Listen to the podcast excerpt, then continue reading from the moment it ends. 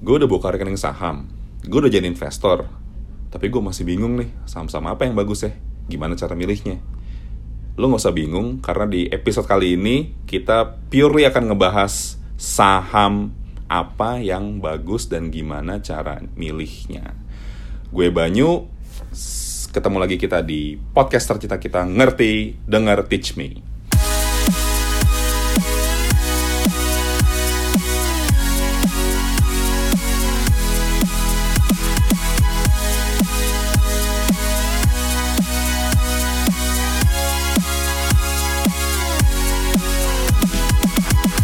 Di episode kali ini gue nggak sendirian lagi nih, nggak kayak sebelum-sebelumnya. Jadi, karena kita ngomongin saham, nggak asik dong kalau gue ngomong sendirian. Kesannya gue bacotnya banyak banget gitu, janjian eh, apa namanya, nggak sesuai sama ekspektasi kalian. Makanya sekarang di episode kali ini gue ngundang salah satu praktisi yang lagi tenar banget nih, lagi naik daun, ulet kali naik daun, naik daun di terutama di para kalangan investor lah gitu eh, apa namanya terutama buat bagi mereka yang yang investor-investor pemula yang mau belajar saham seperti apa pasti nggak asing lagi sama Rifan Kurniawan, Value Investor Indonesia. Halo Rifan. Halo, Banyu, Halo. apa kabar? Baik, baik, baik. Lo gimana?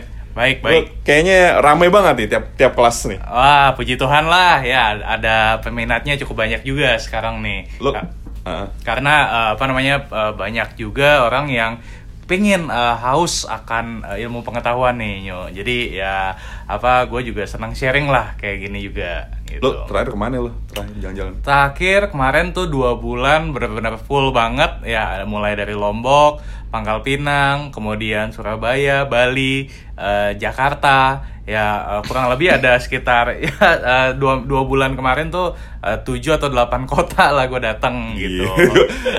Bentar lo Pangkal Pinang kalau nggak salah nggak jauh-jauh dari itu kan? Lion. Dari Lion ya? Iya, Bener ya? ah, ah, benar. Jadi eh, ini surprisingly banget sih. Memang gue naik itu gue inget pesawat eh, JT 615. Lo 615. Gue 615 dan eh, yang ternyata ya mengalami accident itu 610 which is ya gue inget banget itu adalah jadwal eh, tapi ini actually di hari yang berbeda ya Ah, tapi itu berbeda. adalah jadwal eh, sebelum kapal gue berangkat gitu Oh, jadi eh, tipe-tipe kapalnya gitu Tapi pas pas eh, itu terjadi lo masih di sana atau udah, udah balik? Oh, udah balik, Udah udah, balik. udah balik Jakarta. Jadi besokannya begitu gue gue balik eh, minggu, ya kan. Besokannya paginya gue dengar berita tersebut dan gue kaget luar biasa, gitu. Ya, ya, ya. Ya, Gila juga sih. Ya, ya. Nah, Van, eh, lo kan apa? Lo ini ininya apa sih lo kalau misalnya mengenalkan diri nih ke masyarakat lo jabatannya apa sih? Oke. Title-nya apa sih? ya jadi gue sebenarnya sih eh, gue investor juga sama Ah. seperti kalian lah Eh, jadi gue sih menyebut ya gue salah satu eh, Indonesia Value Investor Indonesia Value Investor. Indonesia Value Investor karena memang uh, value investor di Indonesia nih ya belum banyak karena kan kita uh, paling banyak uh, trading ya kan? Trading. Uh, jadi lebih banyak trader.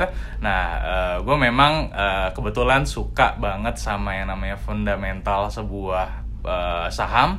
Ya jadi gue juga meng- uh, menyebut diri gue adalah Indonesia Value Investor gitu Oke, value investor berarti intinya value investing ya konsepnya ya. konsepnya value investing betul Nah, lo bisa bisa jelasin nggak sih apa sih value investing gitu konsepnya kayak kayak gimana sih? Oke, jadi value investing in simple way ya. Iya. Nah, value investing in simple way itu eh, katakanlah gini, misalkan nih teman-teman eh, lagi belanja ya, katakanlah teman-teman naksir sama sebuah baju ya. Nah, baju ini eh, let's say eh, dihargai eh, di harga misalkan biasanya adalah dua ratus ribu rupiah ya per bajunya.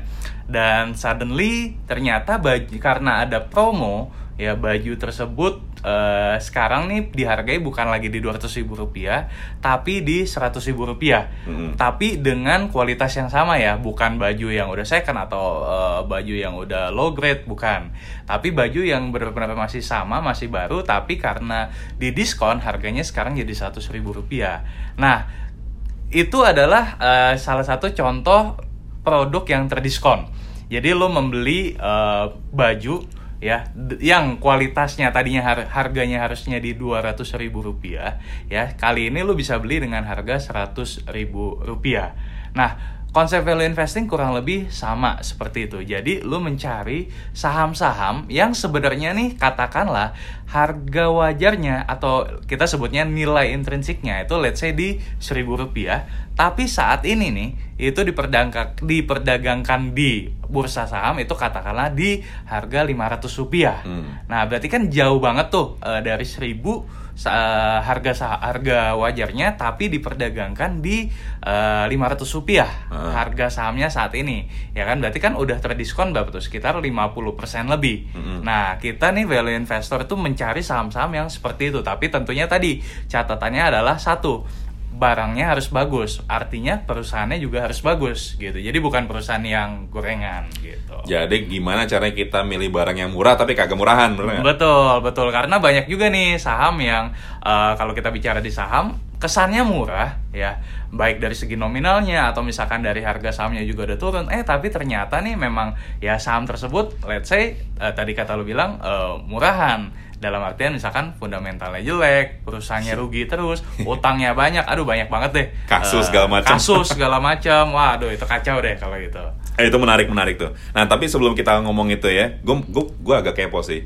Gimana ceritanya sampai lo tiba-tiba kucuk-kucuk datang lo eh, jadi value investor Indonesia lo boleh boleh ceritain gak sih ke teman-teman? Oke, oke. Jadi uh, basically gini, ya, mungkin gue cerita dikit kali ya.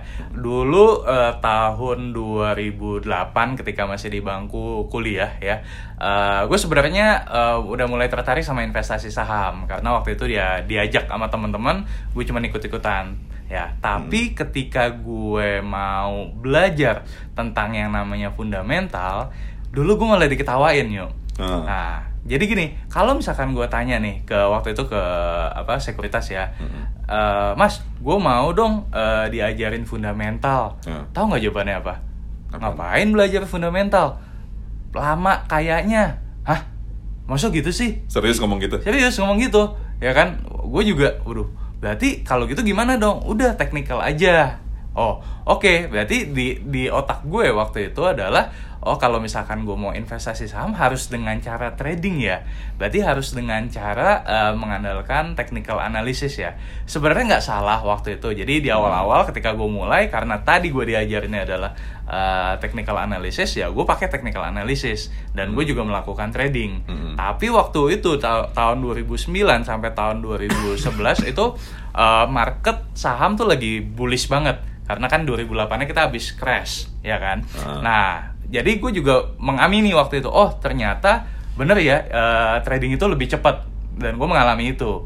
Nah, begitu tahun 2011 sayangnya waktu itu ada gue inget banget itu ada commodity crash kalau lo ingat tahun 2011 ya Huh? di mana harga eh, saham eh, let's say kayak batu bara ya kemudian energi itu eh, drop.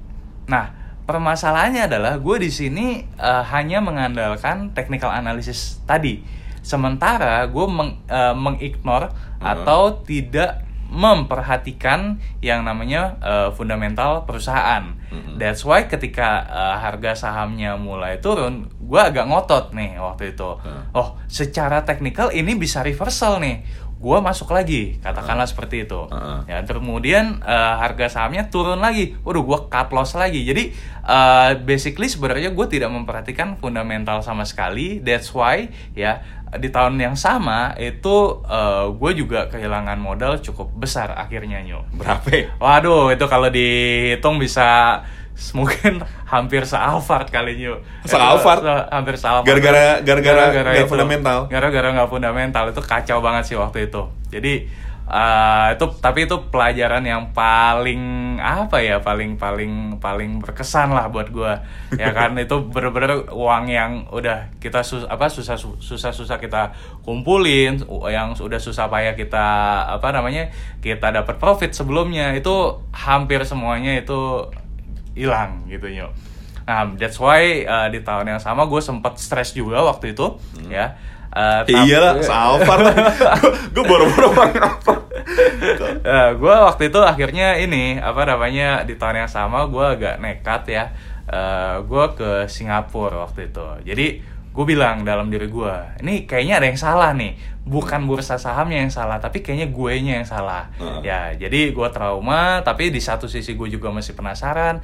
Uh, se- sementara ketika waktu itu gue pengen belajar fundamental again susah banget cari dap- dapat ilmunya. That's why gue nekat gue ke Singapura waktu itu. Hmm.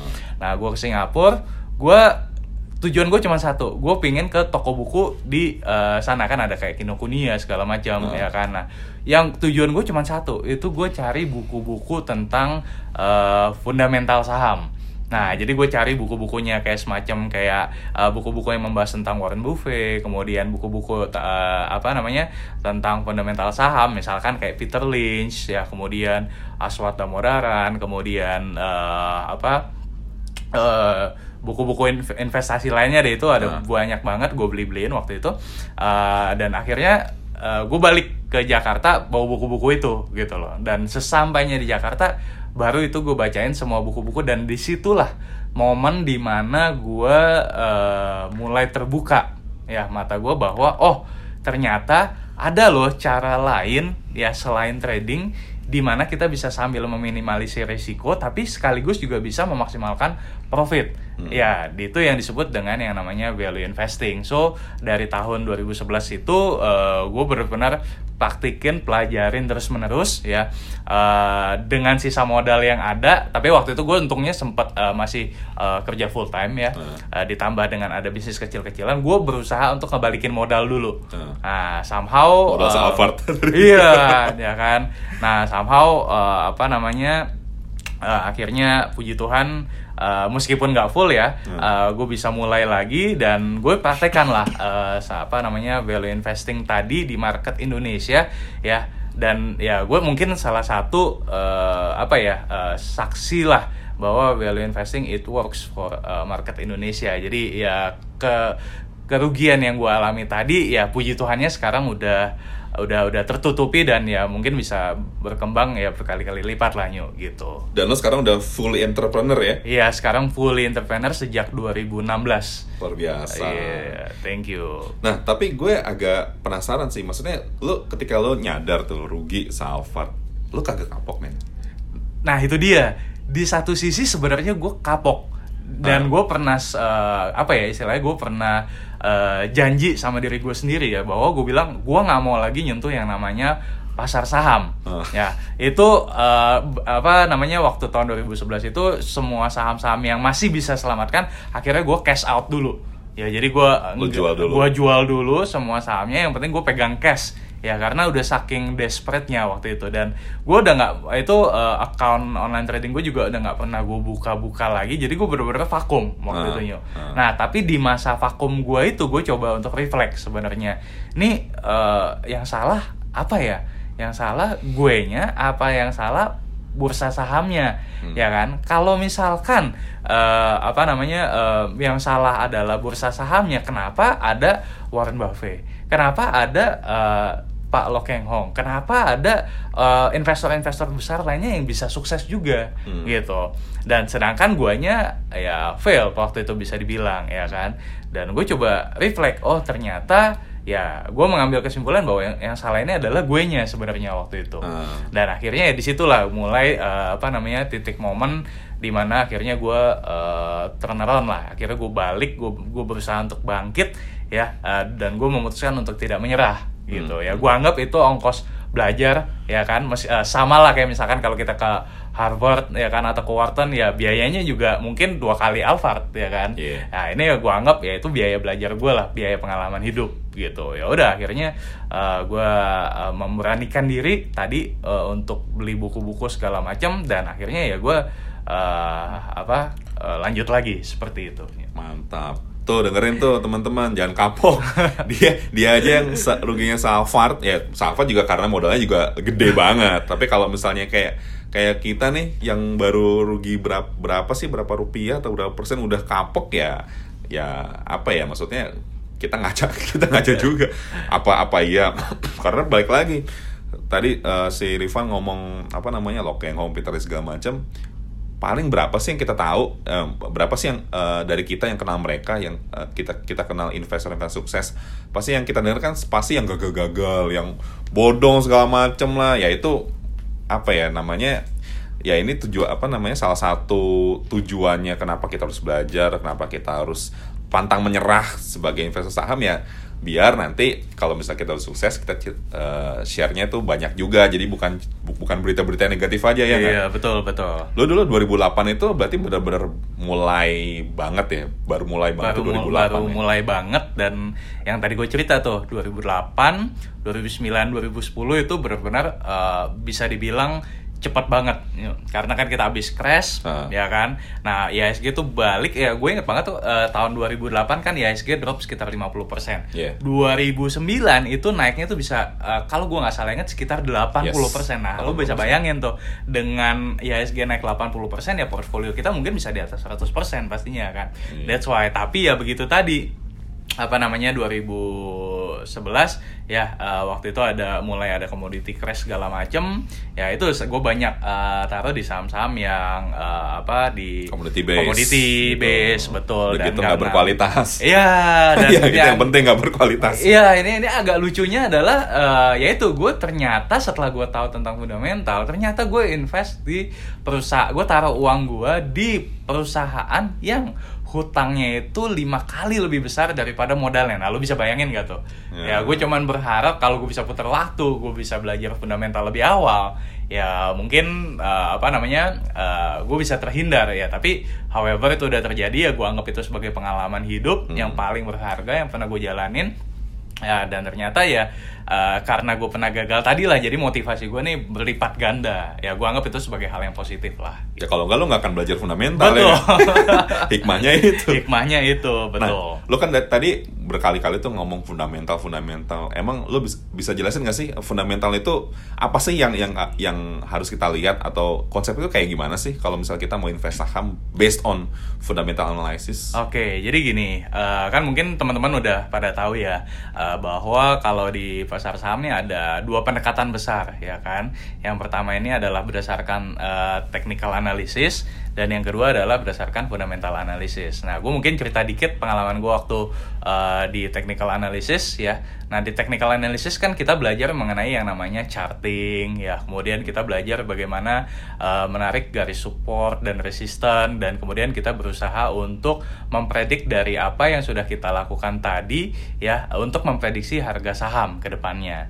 Dan ternyata berdasarkan pengalaman gua ya, ternyata mm, semakin kita berusaha untuk menebak eh, harga saham ke depannya bakal naik atau bakal turun, semakin kita akan terkena eh, secara psikologisnya. Contoh misalkan, oh gue udah tarik garis ya, dan kalau berdasarkan eh, analisa teknikal tadi ini harusnya akan naik. Eh tapi ternyata eh, ISG katakanlah lagi nggak bersahabat, dan ternyata apa yang gue prediksikan tadi itu salah atau keliru. Ternyata harga sahamnya bergerak turun ya kan? Nah kemudian karena rules dari trading tadi adalah let's say misalkan kalau harga saham turun 5% gua cut loss ya kan? Oh ya akhirnya gua melakukan cut loss. Gua anggap oke hari ini gue lagi nggak lagi nggak beruntung ya kan? Gue coba lagi besok misalkan seperti itu. Nah ternyata uh, let's say dengan cara yang sama atau pendekatan yang sama ya gue coba lagi nih untuk beli saham ya. Eh ternyata harganya turun juga. Ya jadi eh, lama kelamaan disadari atau tidak ya eh, kita akan terkena eh, psikologisnya tadi. Waduh, kok gue salah terus ya. Hmm. Nah kemudian ini gue mau cerita yang sebaliknya nih, yang fundamental. Nah kalau di fundamental ini menariknya adalah pertama eh, lo nggak perlu memperhatikan ha- pergerakan harga saham harian. Ya, jadi lu nggak perlu nih eh, jam 9 sampai jam apa jam 4 sore itu di depan laptop nongkrongin online trading nggak perlu. Ya, kenapa? Karena yang lo lo percaya bahwa yang lo beli itu bukan harga sahamnya, tapi yang lo beli itu adalah perusahaannya. Nah, semakin eh, let's say misalkan harga sahamnya turun, selama fundamental perusahaannya itu masih baik, justru lo akan menganggap bahwa itu adalah kesempatan. Kesempatan untuk apa? Kesempatan untuk membeli ju- eh, saham dari perusahaan tersebut dengan jumlah lot yang lebih banyak. Hmm. Dan ketika market menyadari bahwa harga saham di perusahaan tersebut eh, katakanlah salah harga dan kemudian eh, karena fundamentalnya tetap baik market akan mulai menyadari bahwa eh ini ada saham salah harga nih ya kemudian mulai menyesuaikan dan harga sahamnya naik lo akan mendapatkan profit yang jauh lebih besar seperti itu nah balik lagi fundamental itu sendiri apa sih? Nah gampangnya adalah gini teman-teman. Kalau misalkan teman-teman let's say mau beli uh, lihat properti gitu ya mau mau lihat rumah. Teman-teman yang perhat yang teman-teman lihat apa sih? Oh pertama misalkan kualitas bangunannya ya kan ini di apa di uh, temboknya dibuat dari bahan apa kemudian misalkan uh, struktur bangunannya gimana ya kemudian uh, apa namanya fondasinya gimana di tanahnya gimana jadi hal-hal yang me menjamin bahwa rumah ini akan bertahan sampai dengan 20, 30 atau mungkin 40 tahun mendatang seperti itu. Mm -hmm. Nah, sama halnya dengan uh, saham, teman-teman. Jadi ada faktor-faktor yang perlu kita cek terlebih dahulu ya untuk memastikan bahwa perusahaan ini adalah perusahaan yang secara fundamental kuat. Ya, jadi ketika let's say misalkan ada perubahan uh, ada resesi ekonomi ya hmm. atau misalkan situasi ekonomi lagi kurang baik. Nah, perusahaan ini akan tetap bisa ber bertahan seperti itu. Nah, basically sebenarnya fundamental itu adalah seperti itu, teman-teman. Hmm. Jadi kita ngecek uh, faktor apa saja sih yang menjamin bahwa perusahaan itu akan tetap bisa bertahan meskipun saat ekonomi sedang kurang baik. Kurang lebih seperti itu sih. Nah kan tadi kan ibarat rumah ya, berarti kita cari rumah yang memang dari fondasinya kuat, tanah struktur tanahnya bagus dan segala macam. Nah kalau misalnya di saham, tanah sama fondasinya itu kayak apa, Van? Oh contohnya ya, uh -huh. oke. Nah misalkan gini, pertama ya, lu bisa lihat yang namanya manajemennya nih Ya, manajemen ya. Manajemen. Nah, manajemen ini memang faktor yang paling penting karena kan uh, kita nggak mau dong uang kita dikelola oleh uh, manajemen yang nggak capable, ya kan? Hmm. Bisa-bisa bukan kita mendapatkan keuntungan, malah kita mendapatkan kerugian. Ini berarti manajemennya misalnya kayak CEO-nya gitu ya? Betul. Oh. Jadi jajaran direksi sama hmm. jajaran hmm. komisarisnya. Komisarisnya. Nah, ketika lo pertama membeli saham, lo cari tahu dulu tuh ya si direksi sama komisarisnya ini udah ya kita bilangnya udah cukup uh, berpengalaman belum sih di industrinya hmm. ya jangan sampai nih misalkan dia menghandle atau uh, running perusahaan uh, properti let's say hmm. eh tapi ternyata backgroundnya dia uh, let's say bukan di properti ya hmm. tapi misalkan di consumer goods hmm. nah kita bisa tahu dari mana bahwa perusahaan apa uh, manajemennya itu capable dalam menjalankan perusahaan properti ya kemudian juga kita bisa lihat track recordnya dia itu panjang atau enggak ya kan kalau misalkan track recordnya panjang ya kita bisa percaya bahwa memang uh, manajemen tersebut uh, capable nah itu yang pertama hmm. nah kemudian yang kedua nih ya lo bisa lihat tipikal perusahaan ini itu lebih suka menjalankan usahanya dengan hutang ya atau dengan modalnya atau kita sebutnya sebagai ekuitasnya.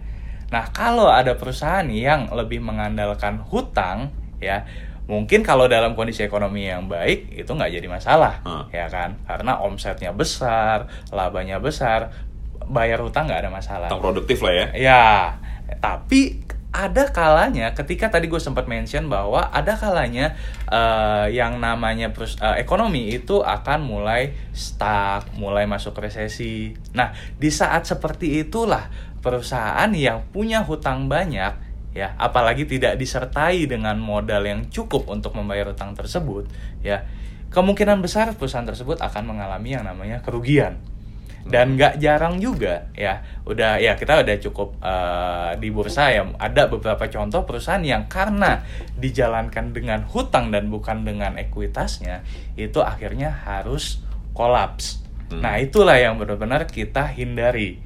Nah, sementara perusahaan yang hutangnya terkendali, bukan artinya nggak punya hutang sama sekali ya. Uh. Hutang itu perlu, tapi kalau tidak terkendali itu yang akan menyebabkan masalah.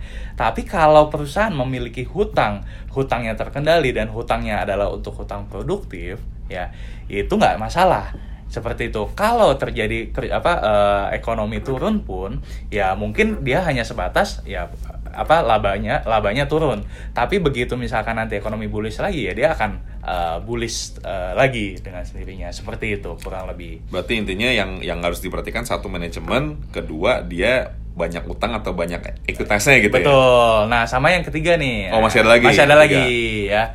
Jadi eh, coba teman-teman perhatiin ya. Apakah perusahaan ini meng- menghasilkan laba yang eh, cukup eh, konsisten ya? Artinya apa? Artinya gini, kalau bisa jangan hanya lihat satu atau dua tahun karena tadi belum mencerminkan secara keseluruhan. Kalau bisa teman-teman lihat di atas lima tahun. Karena kan kalau dalam siklus ekonomi biasanya dalam lima tahun itu kadang ada masa recovery, ada masa resesi. Hmm. Nah, coba teman-teman lihat ini di masa-masa uh, lima tahun tadi gimana pencetakan labanya. Ketika ekonomi turun, gimana pencetakan labanya? Oh, ternyata meskipun ekonomi lagi turun pun, eh dia masih bisa tetap bertahan nih. Nah, itu menarik contoh perusahaan yang seperti itu, ya. Jadi perhatikan tadi eh, pencetakan laba bersihnya juga, ya.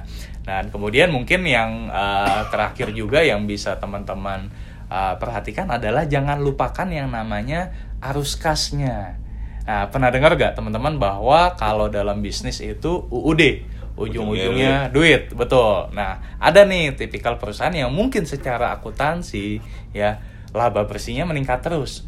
Eh, tapi ternyata ya arus kasnya itu tidak seiring eh, tidak berjalan seiring dengan laba bersihnya tadi. Contoh misalkan laba bersihnya naik dari 100 miliar jadi 200 jadi 150 miliar misalkan Hmm. ya. Eh tapi ternyata si eh, arus kasnya tadi malah perusahaan harus mengeluarkan negatif 200 miliar juga. Nah, ini kan agak nggak make sense. Iya, Ada perusahaan yang eh, laba bersihnya meningkat tapi di sisi lain kok dia malah kehilangan kasnya.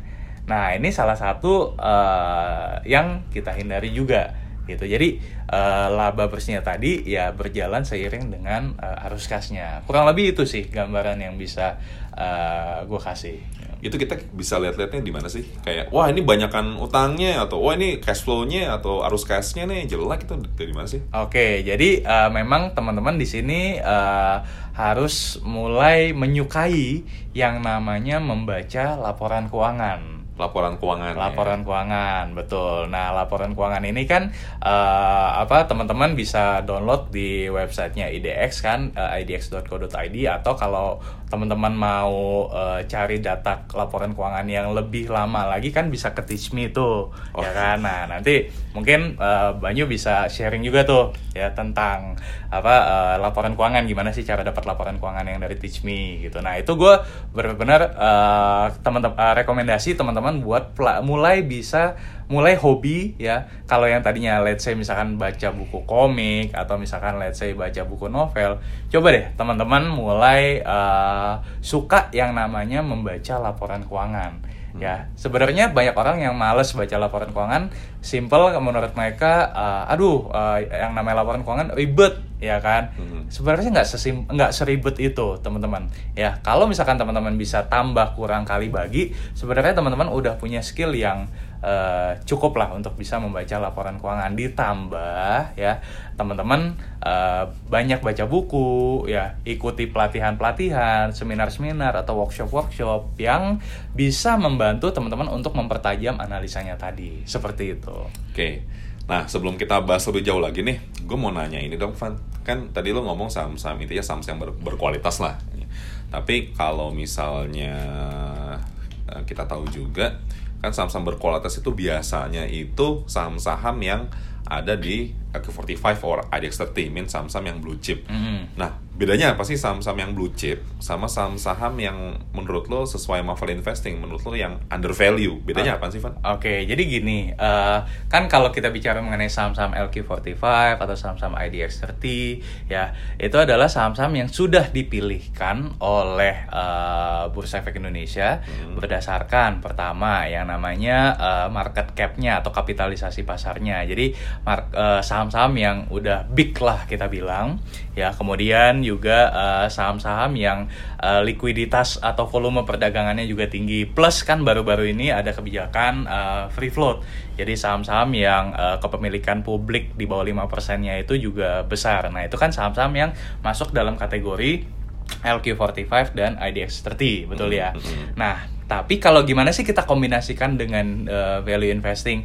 Nah, satu hal yang mungkin teman-teman perlu catat di sini ya, saham-saham value investing ya, itu uh, bisa saja uh, berasal dari saham-saham LQ45 tadi, tapi juga mungkin juga loh kita uh, mendapatkan saham-saham dengan kualitas bagus ya, dengan harga yang super under value ya, tapi di luar LQ45 seperti itu. Nah, jadi uh, basically nggak perlu apa uh, nggak hanya dari LQ45, tapi juga bisa saham-saham second liner.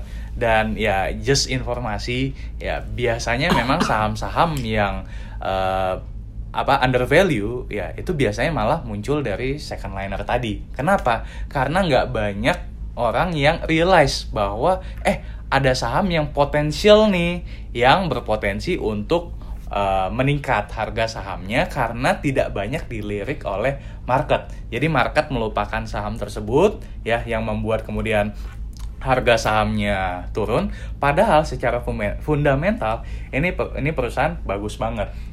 Contohnya seperti itu. Jadi bisa dibilang kayak ada beberapa saham yang di misalnya EQ45 saham-saham ya. blue chip yang oh kayaknya bagus nih ya bagus sih cuma mahal, mahal. gitu mendingan lu pilih uh, saham yang bagus juga cuma masih murah ya, gitu ya jadi gitu. uh, dua-dua sisi sebenarnya kayak sekarang nih kalau kita bicara per hari ini ya uh. di mana uh, IHSG juga uh, lagi masuk angin ya gue bilangnya lagi masuk angin karena kadang naik kadang turun dan sekarang masih berkisar ya di antara 5.600 sampai 5.800 uh. ya ada tetap ada saham-saham dari LQ45 tadi tadi dan IDX30 yang secara valuasi ini sangat menarik nih. Nah, nah ini bisa jadi opportunity lo ya di tahun di akhir tahun 2018 ini untuk mengakumulasi saham-saham tersebut yang bisa lo pakai, bisa lo hold sampai jangka panjang. Karena nggak jarang nih momen-momen di mana ada saham-saham LQ45 yang uh, saat ini dihargai murah oleh market. Nah, di luar itu teman-teman juga bisa cari di luar LQ45 tadi.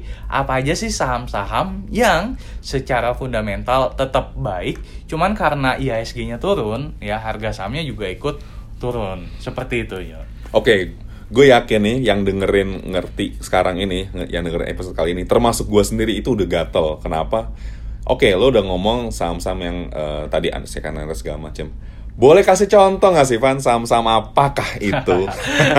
Oke, contohnya ya. Contoh. Oke, tapi sekali lagi nih ini uh, teman-teman uh, perlu validasi lagi di rumah ya, karena kalau gue nih ya gue udah menganalisa ini cukup dalam lah uh, perusahaan ini tapi not necessarily 100% bener ya karena tetap aja teman-teman perlu uh, lakukan riset dan lain-lainnya. Nah, disclaimer on lah. Disclaimer on lah ya. Oke, jadi kalau kita bicara misalkan saham uh, blue chip ya Nah ini ada satu saham nih yang menarik banget ya, di mana saham ini dulunya nih sempat dihargai di kalau gua nggak salah ingat itu di sekitar eh, lima uh, ribuan something mm -hmm. ya. Uh, dan waktu itu meng bisa menghasilkan uh, return on equity ya itu 30% lebih ya tapi karena satu dan lain hal saham ini kemudian di tiga tahun terakhir which is di 2015 2016 2017 itu anjlok. Harga sahamnya sampai ke sempat ke 1500-an ya dan 1500 1500 dari goceng ke dari goceng cenggo. dari 5000 ke cenggo nah tinggal dibalik aja tuh goceng cenggo goceng cenggo ya kalau di uh, ukur berarti dari 5000 ke 1500 udah turun sekitar berapa tuh udah sekitar mungkin 70% yes, lebih ya, ya sekitar 70% lebih ya kan. Nah, uh, penyebabnya apa? Nah, penyebabnya adalah karena waktu itu ada intervensi dari pemerintah. Tapi per tahun 2018 ini ada katalis positif yang uh, gue ya, gue cukup yakin akan membuat harga sahamnya bisa kembali seperti itu ya. Nah, sa apakah saham tersebut? Ya, salah satu yang bisa gue sebut adalah perusahaan gas negara. Nah, atau Pegas kode Pegas sahamnya. kodenya ya? Pegas, PGN ya? PA, PGN, PGAS. Nah, si Pegas ini singkat cerita ya dia uh, saat ini sedang mengakuisisi Pertagas. Nah, di mana kalau yang tadinya nih teman-teman kalau lihat di apa namanya market gitu ya, uh, produk yang dijual oleh Pegas dan produk yang dijual oleh Pertagas itu tadinya adalah head to head ya atau uh, compete seperti hmm. itu. Hmm. Nah, dengan adanya dengan si Pegas ini kemudian mengakuisisi Pertagas ya basically sebenarnya Pegas ini akan menjadi single player ya atau ya bisa kita sebut monopoli mungkin jatuhnya ya kan? Di mana uh, Pegas ini akan menjadi dominan player di apa uh, bisnis uh, distribusi gas ya.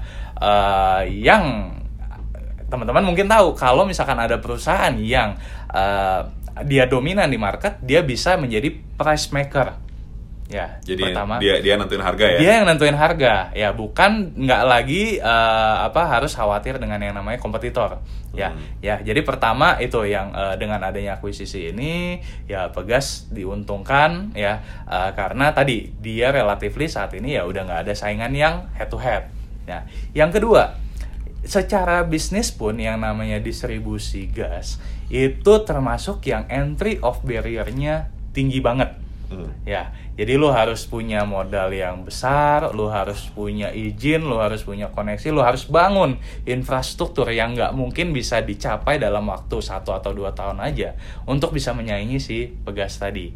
Ya, jadi eh, apa namanya eh, pertama tadi adalah eh, dominan player si pegas ini dengan adanya akuisisi. Yang kedua, secara bisnis ya ini juga menarik karena nggak mudah buat kompetitor bisa masuk ke uh, industri uh, distribusi gas gitu. Jadi udah sampai industrinya lo analisis analisis juga ya. Iya betul. Jadi ya kalau misalkan gini deh, kalau misalkan bis, uh, ada saham, misalkan ya ini Ah, ini ah. tapi uh, jokes aja ya. Iya. Misalkan ada saham yang jual tahu bulat, Iya. Nah, ada perusahaan yang jual tahu bulat, ya mungkin dalam hitungan hari, dalam hitungan minggu akan ada banyak banget nih kompetitor yang bisa menjual tahu bulat, ah. ya atau misalkan dulu kita kenal ada cappuccino, ah, capcin, cappuccino uh, cincau, Cincau. ya atau sekarang yang lagi happening apa ya misalkan Milo, Milo. Milo, es kepal Milo. Es kepal. Ya. Dalam hitungan hari, dalam hitungan minggu, ya akan ada banyak sekali kompetitor yang bisa menjual dengan produk yang sama, bahkan mungkin dengan harga yang lebih murah. Ya, tapi nah tadi dengan lo melakukan uh, fundamental analisis, termasuk menganalisis uh, industrinya, ya lo akan bisa melihat tadi yang ya, sejauh ini yang gambaran gambaran kasar yang bisa gue kasih adalah pertama secara kompetisi ya Pegas ini sekarang relatif nggak ada kompetitor Hmm. ya kan? Ada tapi ya mungkin agent-agent kecil ya kan? Nah yang kedua adalah secara bisnis pun ya ini nggak mudah untuk dimasuki oleh kompetitor. Karena tadi untuk bisa mendistribusikan gas lo harus bangun infrastruktur. Bangun infrastruktur itu ya nggak nggak cuman butuh modal yang sangat besar juga butuh waktu yang sangat lama juga ya kan dan ya mungkin lo harus punya izin-izin tertentu yang which is gue yakin nggak mudah juga untuk mendapatkannya dan Pegas sudah mendapatkan semuanya dan luckily di tahun 2018 ini ya kita bisa dapat harga sahamnya Pegas itu di 1500-an kemarin saat ini sih udah sekitar 2000 sampai 2100-an. Wah, lo masuk di Gitu. 1700 dulu ya? Ah, 1700 ya. 1700. Ah, ah. Lumayan dong Iya. sekarang udah udah 2000-an ya. Ya lumayan lah gitu. Tapi ya not eh, belum mencapai tadi yang gue sebut dengan nilai intrinsiknya. Nah dengan intrinsiknya. apa? Dengan meningkatnya kinerja Pegas nih ya sebagai investor, lu juga perlu hitung nih ya Hmm. berapa sih harga wajarnya Pegas sekarang gitu. Berarti nanti kalau misalnya let's say Pegas sudah udah mencapai nilai intrinsiknya otomatis ya udah berarti cukup sekian di Pegas kita Betul. cari saham-saham yang murah yang lainnya gitu ya. betul betul jadi ada ada ada ada ada yang bilang gini uh, value investing itu adalah kon- kontrarian strategi maksudnya apa di saat orang lain jual dan tidak berminat which is ketika harga sahamnya turun Hmm. itu justru seorang value investor itu akan melihat itu sebagai opportunity yang paling menarik nah jadi people ya dibilangnya adalah people sell we buy Iya, ya tapi kontra ya, kontra. kontra Nah, begitu harga sahamnya naik, naik, naik, naik, dan naik, dan memancing, eh, bukan memancing lah, menarik perhatian eh, investor retail lainnya, ya sehingga minat terhadap saham Pegas ini mulai meningkat, meningkat, meningkat, dan meningkat sampai membuat harga sahamnya kita katakanlah udah over value, ya. Hmm. Justru di situlah saat kita untuk menjual sahamnya, ya. Jadi people sell we buy, people buy we sell. Di kebalikannya Seperti ya. Betul. Tuh catat tuh teman-teman, Pegas. Nah, apalagi nih Van? Tadi kan lo ngomong yang blue chip Waduh, nih. jangan ah, Lo ngomong yang blue chip. Ah. Satu satu aja yang Ah. yang bukan blue chip deh. Oh, satu Contohnya. yang satu yang bukan blue chip ya. Oke. Ya, mungkin gue bisa kasih contoh apa ya? Eh, Oke. Mungkin ada satu lagi nih. Eh, ini sebenarnya dia dia tadinya blue chip ya. Hmm. Tapi sekarang ini karena penurunan harga sahamnya dia membuat eh, kehilangan lah status blue chipnya tadi Ya karena kan seiring dengan harga sahamnya turun, otomatis market capit apa kapitalisasi pasarnya juga turun, ya kan. Nah, uh, perusahaan ini bergerak di bidang uh, tower telekomunikasi, ya. Saat ini dia punya sekitar 19.000 tower sementara saingan terdekatnya dia hanya punya 13.000 tower. Dan perusahaan ini juga uh, demen melakukan yang namanya akuisisi. Ya. Nah apa sih perusahaan tersebut? Ya perusahaan tersebut adalah PT Sarana Menara Telekomunikasi. Ya atau kode sahamnya adalah TOWR tower ya? Tower betul. TOWR ya. TOWR ya. Nah, jadi tadi TOWR ini sekarang punya 19.000 tower Plus ya ini kabarnya baru-baru ini uh, eh, TOR ini akan mengakuisisi uh, towernya Indosat yang sejumlah 26.000 tower. Ya meskipun sekarang nih uh, masih dibantah lah sama manajemen ya. Uh. Tapi kalau misalkan akuisisi itu terjadi ya lo coba hitung aja 19.000 tower ditambah 26.000 tower ya itu berarti kurang lebih sekitar 45.000 tower itu akan menjadi miliknya si TOR tadi. Ya, sementara saingannya tadi ya hanya punya 13.000 tower which is basically sama seperti si uh, Pegas tadi ya. Mm -hmm. uh, apa relatively ya nggak ada kompetisi sebenarnya, ya kan? Nah, itu yang ya, itu yang menarik pertama dari si TWR. Ya, kemudian yang menarik kedua adalah tadi harga sahamnya ya harga sahamnya TOR ini udah uh, sekitar terdiskon dari harga tertingginya ya. Itu dari 900 di awal eh uh, gue agak lupa 900 di 2017 uh akhir kalau nggak salah.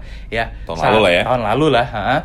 saat ini dihargai di 480-an uh, terendahnya Hmm. Ya, 480-an which is berarti kan udah hampir 50% terdiskon dari harga tertingginya. That's why yang tadi gue sebut ya dia kehilangan status blue chipnya blue tadi, chip ya kan? Uh -uh. Nah, uh, si apa namanya? Jadi itu yang membuat ta yang tadinya TOR ini secara valuasi mahal, sekarang ini mulai menarik di mata kita value investor. Lagi murah ya? Lagi murah ya. Ditambah tadi yang uh, gue juga cerita bahwa si TOR ini benar-benar uh, justru lagi ekspansinya tuh lagi cukup gencar seperti itu. Ya. Uh, kemudian yang ketiga sama dari segi industrinya itu juga entry of bar apa barrier of entry-nya itu juga tinggi ya lu bisa bayangin lah yeah, untuk yeah, yeah. untuk lu bisa mendirikan satu tower BTS telekomunikasi supaya kita semua bisa uh, podcast sekarang ini ya. Thanks itu, to tower ya. Thanks to tower sebenarnya. Itu lu bisa bayangin berapa modal yang perlu dikeluarkan untuk membangun satu BTS aja. Nah tower saat ini punya 19.000 BTS atau tower di Indonesia. Dan ya punya potensi ke 45 ribu tadi tapi kita lihat lah nanti semoga, perkembangannya. semoga kita juga punya 19 ribu episode podcast kan. Amin amin amin amin. Mantap mantap. Gila ya. Jadi uh, emang dalam dalam banget analisanya uh, eh, yeah. terkait fundamental. Karena ya balik lagi sih ya nggak ada sesuatu yang bagus kalau misalnya instan ya nggak? Iya. Yeah. tadi tuh si, Rifan juga udah udah pengalaman sendiri tuh dia nyoba-nyoba instan ya secara secara temporer bagus tapi pada jangka panjangnya ternyata ya hamsong juga, hamsong juga, hamsong juga yeah. gitu. Jadi ya kalau kalau misalnya kita bisa ambil hikmah di episode kali ini sih ya, lu kalau mau jadi investor ya lu belajar ya nggak lu belajar lo pelajarin apa itu fundamental fundamental analysis apa itu technical analysis. Nanti setelah lu tahu ilmu-ilmunya seperti apa lo bisa nentuin sendiri uh, sama apa yang bagus kapan lo masuknya ya nggak? Ya betul. Jadi ya balik lagi lo mau belajar lo mau pakai apa? Tadi Rifan ngomong laporan keuangan. Laporan keuangan kita teach me provide itu semua untuk uh, teman-teman terutama buat yang investor. Jadi kita udah kita ada laporan keuangan dari tahun 77 jadi kalau teman-teman mau lihat oh gue mau pilih sama apa kita ada uh, apa cari aja di teachme.co tadi slash data pasar modal. Kita ada beberapa data-data yang bisa menunjang uh, kebutuhan teman-teman mau ikut kelasnya? Kita juga ada. Kita kerja sama sama Rifan. Kita uh, bikin workshop kali investing Evan ya. Betul. Itu seharian kita belajar lebih dalam lagi dari podcast ini. Ini kan kita masih ya apa namanya permukaannya lah ya. Kan Iya. ketika kita ngomong fondasi kan kita belum belum tahu laporan keuangannya apa aja harus diperhatiin syarat-syaratnya seperti apa indikatornya apa aja. Kemudian gimana kita memanage eh, duit kita kalau kita mau invest segala macem. Nah itu ada di eh, kelas kelas kita barang refund pan Oke, jadi eh, yang pertama nih kita akan ada yang namanya eh, ebook quarter outlook di mana di dalam ebook ini nanti eh, kita saya dan tim itu mencoba untuk menganalisa dari 600 emiten yang saat ini ada di Bursa Efek Indonesia, kita pilih hanya 20, teman-teman. Jadi 20 eh, emiten yang menurut kita itu eh, saat ini fundamentalnya tetap baik, ya, tetap kuat namun saat ini harga sahamnya sedang terdiskon. Nah, terdiskon di sini tentunya tidak disertai dengan penurunan fundamental perusahaannya ya. Jadi tetap perusahaannya perusahaan bagus ya, tapi harga sahamnya ini lagi murah. Gampangnya seperti itu. Nah, saham-saham apa saja itu kita bisa lihat di dalam uh, ebook quarter outlook nanti. Ya, kemudian yang kedua kita juga ada yang namanya monthly investing plan. Nah, di dalam monthly investing plan ini uh, teman-teman juga bisa tahu nih saat ini uh, kita pegang saham apa aja ya saham-saham yang menurut kita uh, benar-benar menjadi pegangan kita saat ini. Dan teman-teman juga akan mendapatkan update nantinya ya uh, kita melakukan pembelian saham apa, apa atau kita melakukan penjualan saham apa itu kita akan update. Seperti itu. Dan yang ketiga nanti kita juga punya yang namanya cheat sheet. Nah, di dalam cheat sheet ini ya, teman-teman yang memiliki keterbatasan waktu dalam membaca laporan keuangan, ya teman-teman bisa dapat summary-nya nih, ya. Eh, di dalam cheat sheet tadi. Jadi teman-teman misalkan eh, mau tahu nih, tadi misalkan kita bahas tentang eh, Pegas atau tentang eh, Tower. Itu gimana sih kinerjanya saat ini termasuk berapa sih nilai eh, wajarnya atau har- atau nilai intrinsiknya dari saham tersebut. Nah, itu kita bisa lihat di dalam cheat sheet tadi. Seperti itu, banyak. jadi kita bisa bisa tahu gambarannya ya gue harus beli di harga berapa Betul. sampai gue jual di harga berapa gitu ya. Betul, betul. Jadi teman-teman bisa mulai hitung tuh, oh kira-kira nih gue bisa dapat berapa ya dengan membeli saham ini seperti itu. Mantap. Jadi sebenarnya ya balik lagi yang kayak gue bilang udah nggak ada alasan lagi deh lo kalau misalnya nggak mau belajar gitu. Kita udah kita udah sediain banyak banget informasi, banyak banget uh, kelas-kelas yang bisa teman-teman ikutin sehingga kita bisa melahirkan investor yang berkualitas. Jadi udah nggak ada lagi tuh yang namanya saham-saham gorengan, Ya. nggak ada lagi tuh namanya apa ya uh, apa namanya uh, investasi bodong segala macam, saham ketipu lah, uh, kejebak sama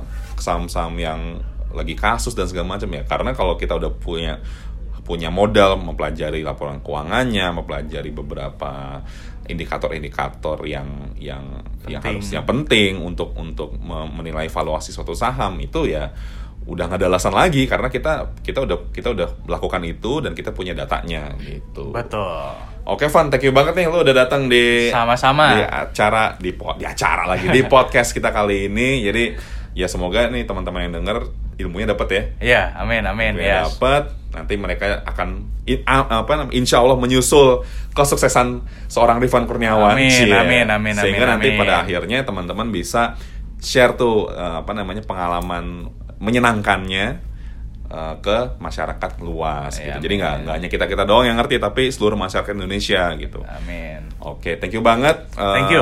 Rifan. Thank, Thank you, you, banget Bang. juga teman-teman yang udah denger podcast kali ini. Sampai jumpa di episode ngerti selanjutnya. Karena kita mendengar dan teach me mengerti. Assalamualaikum warahmatullahi wabarakatuh.